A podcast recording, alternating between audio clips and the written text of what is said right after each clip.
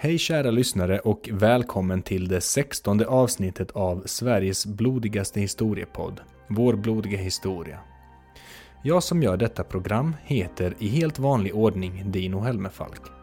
Innan vi går över till dagens ämne så har jag en stor och mycket viktig nyhet att berätta. Från och med detta avsnitt så finns denna podcast tillgänglig som en pdf, alltså i textformat. Varför detta, tänker kanske du som lyssnar. Genom att göra denna podcast tillgänglig i textformat ges personer som inte kan lyssna på ljudformat möjlighet att ta del av innehållet.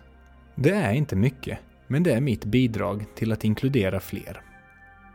Så om du känner någon som du tror hade gillat vår blodiga historia men som inte kan lyssna på den av något skäl, tveka inte att tala om att podcasten nu finns i text. Det funkar helt enkelt så att man anmäler sig till poddens e-post blodighistoria@gmail.com. Jag lägger in adressen i en mejllista och samtidigt som ljudfilen länks upp så går textversionen ut i pdf-format. Som vanligt vill jag påminna dig som lyssnar att stödja podden genom att gilla Facebook-sidan och att följa podden på Instagram där den heter Blodig Historia. På Instagram lägger jag upp material som bara publiceras där. Det är allt från lite tävlingar till historiequiz och följetonger där följarna röstar fram temat. En väldigt interaktiv plattform för fans av podden. Denna podcast driver jag helt ur egen ficka och vill du stödja den ekonomiskt så kan du bli månadsdonator på Patreon eller swisha ett bidrag till 070 6177 812. I podcastens beskrivning i din app finns en länk till Patreon och för dig som tar del av textversionen finns länken i slutet av dokumentet. Med de orden lämnar vi nyheterna och informationen och sätter oss i tidmaskinen och beger oss till 1400-talets Frankrike. Men innan avfärd vill jag bara varna känsliga lyssnare. Dagens avsnitt innehåller mycket våldsamma och groteska skildringar där barn far illa. Ifall detta är något du inte klarar av att höra så råder jag dig att hoppa över detta avsnitt. Och jag vill verkligen understryka, detta avsnitt tar upp det kanske mest groteska temat hittills i denna podcast. Personligen visste jag inte riktigt vad som väntade mig när jag började göra research och skriva manuset. Det fanns tillfällen då jag tänkte att jag avbryter och gör ett annat avsnitt. Men att vara historiker är lite som att vara journalist. Den nakna sanningen ska fram, hur jobbig den än må vara. Nåväl, jag har varnat dig.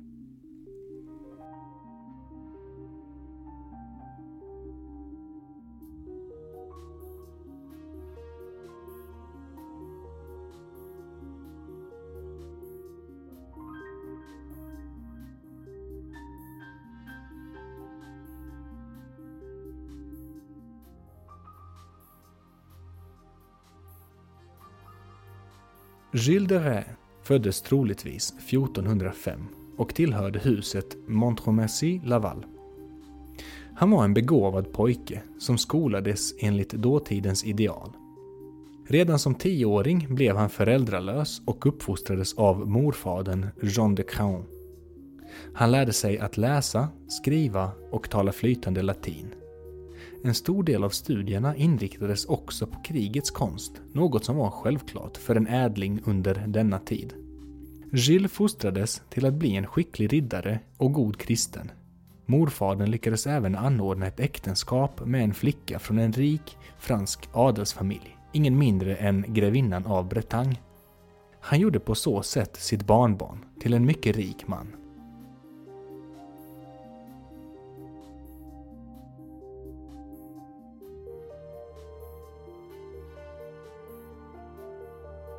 Under Gilles livstid pågick hundraårskriget. Namnet till trots drog kriget ut längre än så och pågick i hela 116 år. Det stod mellan England och Frankrike och man slogs om den franska kronan. Kriget är en av medeltidens mest kända händelser. Framförallt på grund av dess längd, men antagligen även för att det innehåller alla ingredienser som vi förknippar med just medeltiden. Under hundraårskriget utkämpades stora slag där riddare galopperar över öppna fält mot bågskyttar. Städer och borgar belägras och angrips med stora belägringstorn. Där är även intriger inuti maktens korridorer och en kyrka som ur våra ögons perspektiv rör sig i gråzonerna mellan gott och ont. Men kriget är framförallt en hjältesaga och huvudpersonen är en fransk bondflicka med namnet Jeanne d'Arc. Du har nog hört talas om henne innan. En profetia hade talat om att en oskuld skulle komma och rädda Frankrike från de invaderande engelsmännen.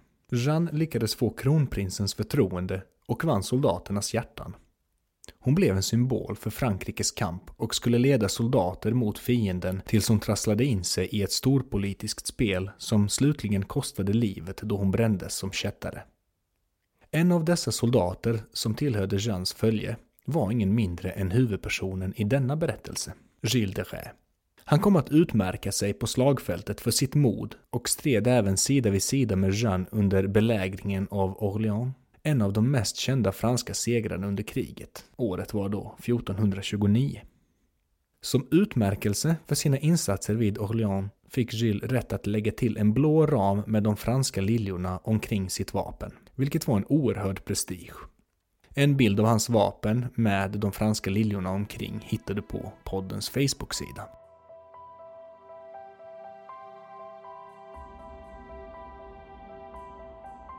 Under 1430-talet fick Gilles annat fokus i sitt liv. Idag hade vi kanske sagt att han drog sig ur rampljuset. Han hade ett dyrt leverne och bekostade allt ifrån byggnadsverk till teaterföreställningar. Det gick faktiskt så långt att han nästan hamnade i personlig konkurs, vilket gjorde att han tvingades sälja av en del av sina egendomar. Teaterföreställningarna verkar ha varit extra viktiga för honom, för han lät sy upp hundratals dräkter till skådespelarna. Inte nog med det, dräkterna ska ha använts en enda gång och därefter kasserades de. Inför kommande föreställningar lät han helt enkelt sy upp nya. Och inte nog med det, åskådarna ska även ha fått obegränsat med mat och förfriskningar vid föreställningarna. Allt betalade han själv. Med facit i hand kan vi konstatera att allt inte stod rätt till med Gilles. Annars hade han ju inte figurerat i denna podcast. Kanske var hans strösslande med pengar ett symptom på mani. Men man ska vara försiktig med att ställa diagnoser på historiska personer så pass långt bak i tiden då de befann sig i ett helt annat kulturellt och socioekonomiskt sammanhang än vad vi betraktar dem ur. Men att något var fel på honom kan vi dock vara säkra på eftersom till och med hans släkt reagerade. Det hela gick så långt att man gick till kungs med frågan och fick gehör. På kunglig befallning förbjöds de kungliga undersåtarna att ingå i affärsuppgörelser med Gilles. De personliga konsekvenserna för honom lät inte vänta på sig. Han var skyldig pengar och de som hade fordringar krävde betalning. Så vad gjorde Gilles? Precis så som många idag som fastnar i Lyxfällan gör. Han pantsatte värdefulla personliga ägodelar för att frigöra mer kapital. Det framkom senare att han också försökte lösa sina problem med okulta medel.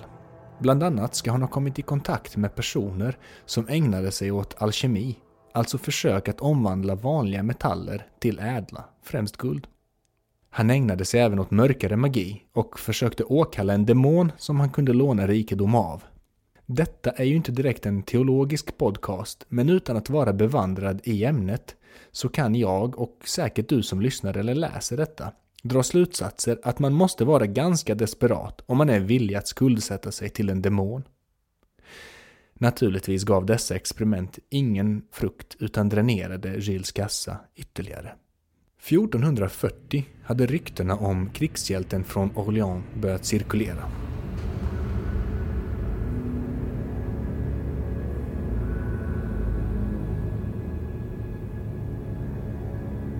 Hans flött med det okulta väckte naturligtvis intresset hos en av de institutioner som man under medeltiden inte ville komma på kant med.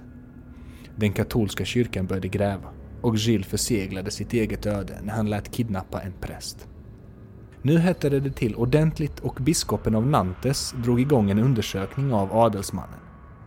Senare samma år offentliggjorde biskopen sina fynd där vittnen trätt fram och beskrivit Gilles som en galen sadist som torterade och mördade barn. Även ryktena om svartkonst som han ägnat sig åt visade sig enligt utredningen stämma. Förutom den kyrkliga utredningen tillsattes även en från sekulära institutioner. Den bekräftade vad kyrkan kommit fram till.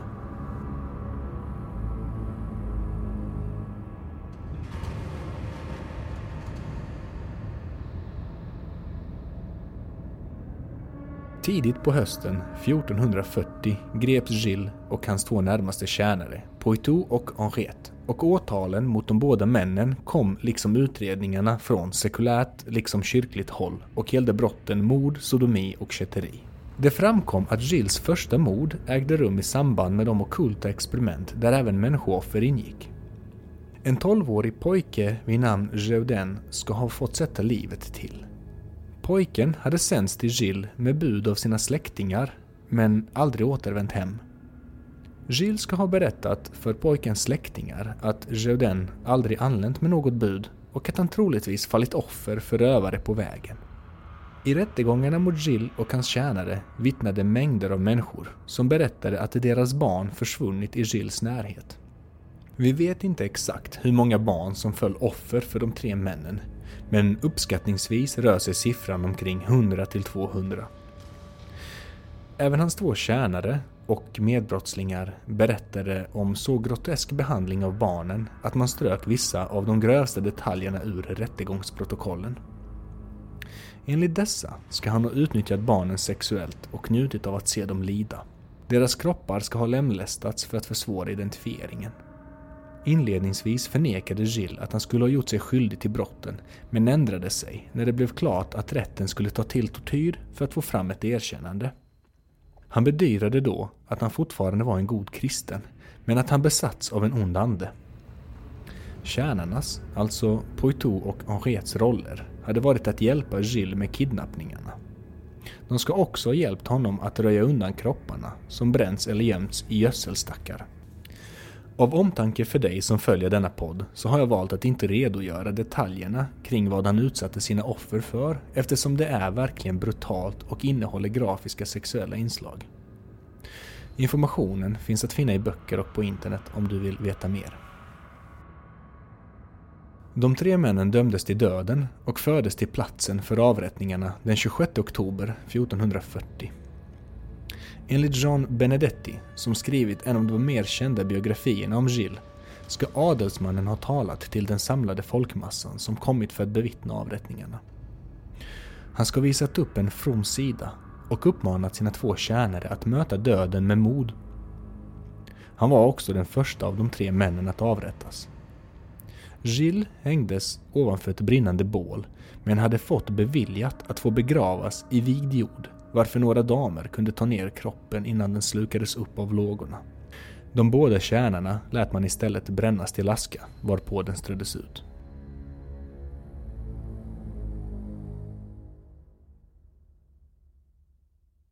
Historien om Gilles de Rais slutar dock inte här. Det har i efterhand framkommit tvivel rörande domarna mot honom. Minns du det där äktenskapet med den rika adelsflickan från Bretagne som morfadern fixat? Greven av Bretagne hade tilldelats ansvar för åtalet mot Gilles och kunde tack vare giftermålet göra anspråk på Gilles titlar och egendomar. Efter avrättningen tillför titlarna och egendomarna till greven. Man kan alltså lugnt konstatera att åtalet mot Gill knappast var opartiskt och innehöll tydliga vinstintressen för hans motpart. Det har även framkommit förslag om att han skulle ha blivit ett offer för den hårda inkvisitionen som fanns i Västeuropa under medeltiden.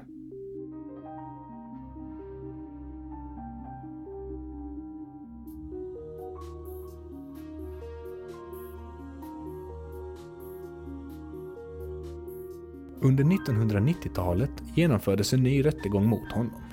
Den genomfördes av privata aktörer och inte som ett officiellt företag av staten. Men i domstolen ingick tidigare franska ministrar och parlamentariker och olika experter. Dock var ingen av tribunalens ledamöter specialist på medeltidrätt.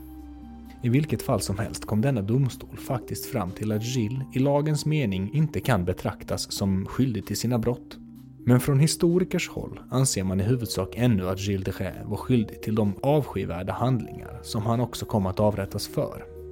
Oenigheten inom akademin ligger snarare på vilka motiv han faktiskt hade.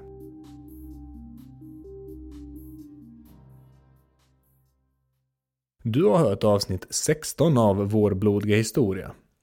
Kommentera gärna vad du tyckte om dagens avsnitt på Facebook eller Instagram. Du hittar podden om du söker på dess namn. Jag vill slå ett extra slag för poddens Instagramkonto. Mitt mål är att skapa en interaktiv profil. Därför händer det massa spännande på Instagram. Jag lägger bland annat upp historiequiz med olika teman där du kan testa dina kunskaper direkt i appen. Där finns följetonger och serier på olika teman som följarna röstat fram. Hittills har teman varit gladiatorer, mördade kändisar, kvinnliga mördare och imperier. På Instagram lägger jag också ut tävlingar där du kan vinna någon schysst historiebok. Så är du en flitig följare av denna podcast eller bara är allmänt historieintresserad så ska du absolut kolla in Instagramkontot som du hittar om du söker efter blodig historia. Jag påminner dig också igen om att du kan köpa klistermärken med poddens logga. De kostar 10 kronor plus en femma i frakt oavsett hur många du beställer. Kontakta mig så löser vi med betalning och försändelse. Stort tack till att du har lyssnat på detta avsnitt. Om två veckor är jag tillbaka och eftersom jag snart påbörjar mina föreläsningar om det skånska kriget runt om i Skåne där jag också bor kommer nästa två avsnitt att handla om samma ämne. Så bor du i Skåne, håll utkik för jag kommer kanske och föreläser om det skånska kriget i närheten av där du bor. Tills nästa gång, ha det fantastiskt!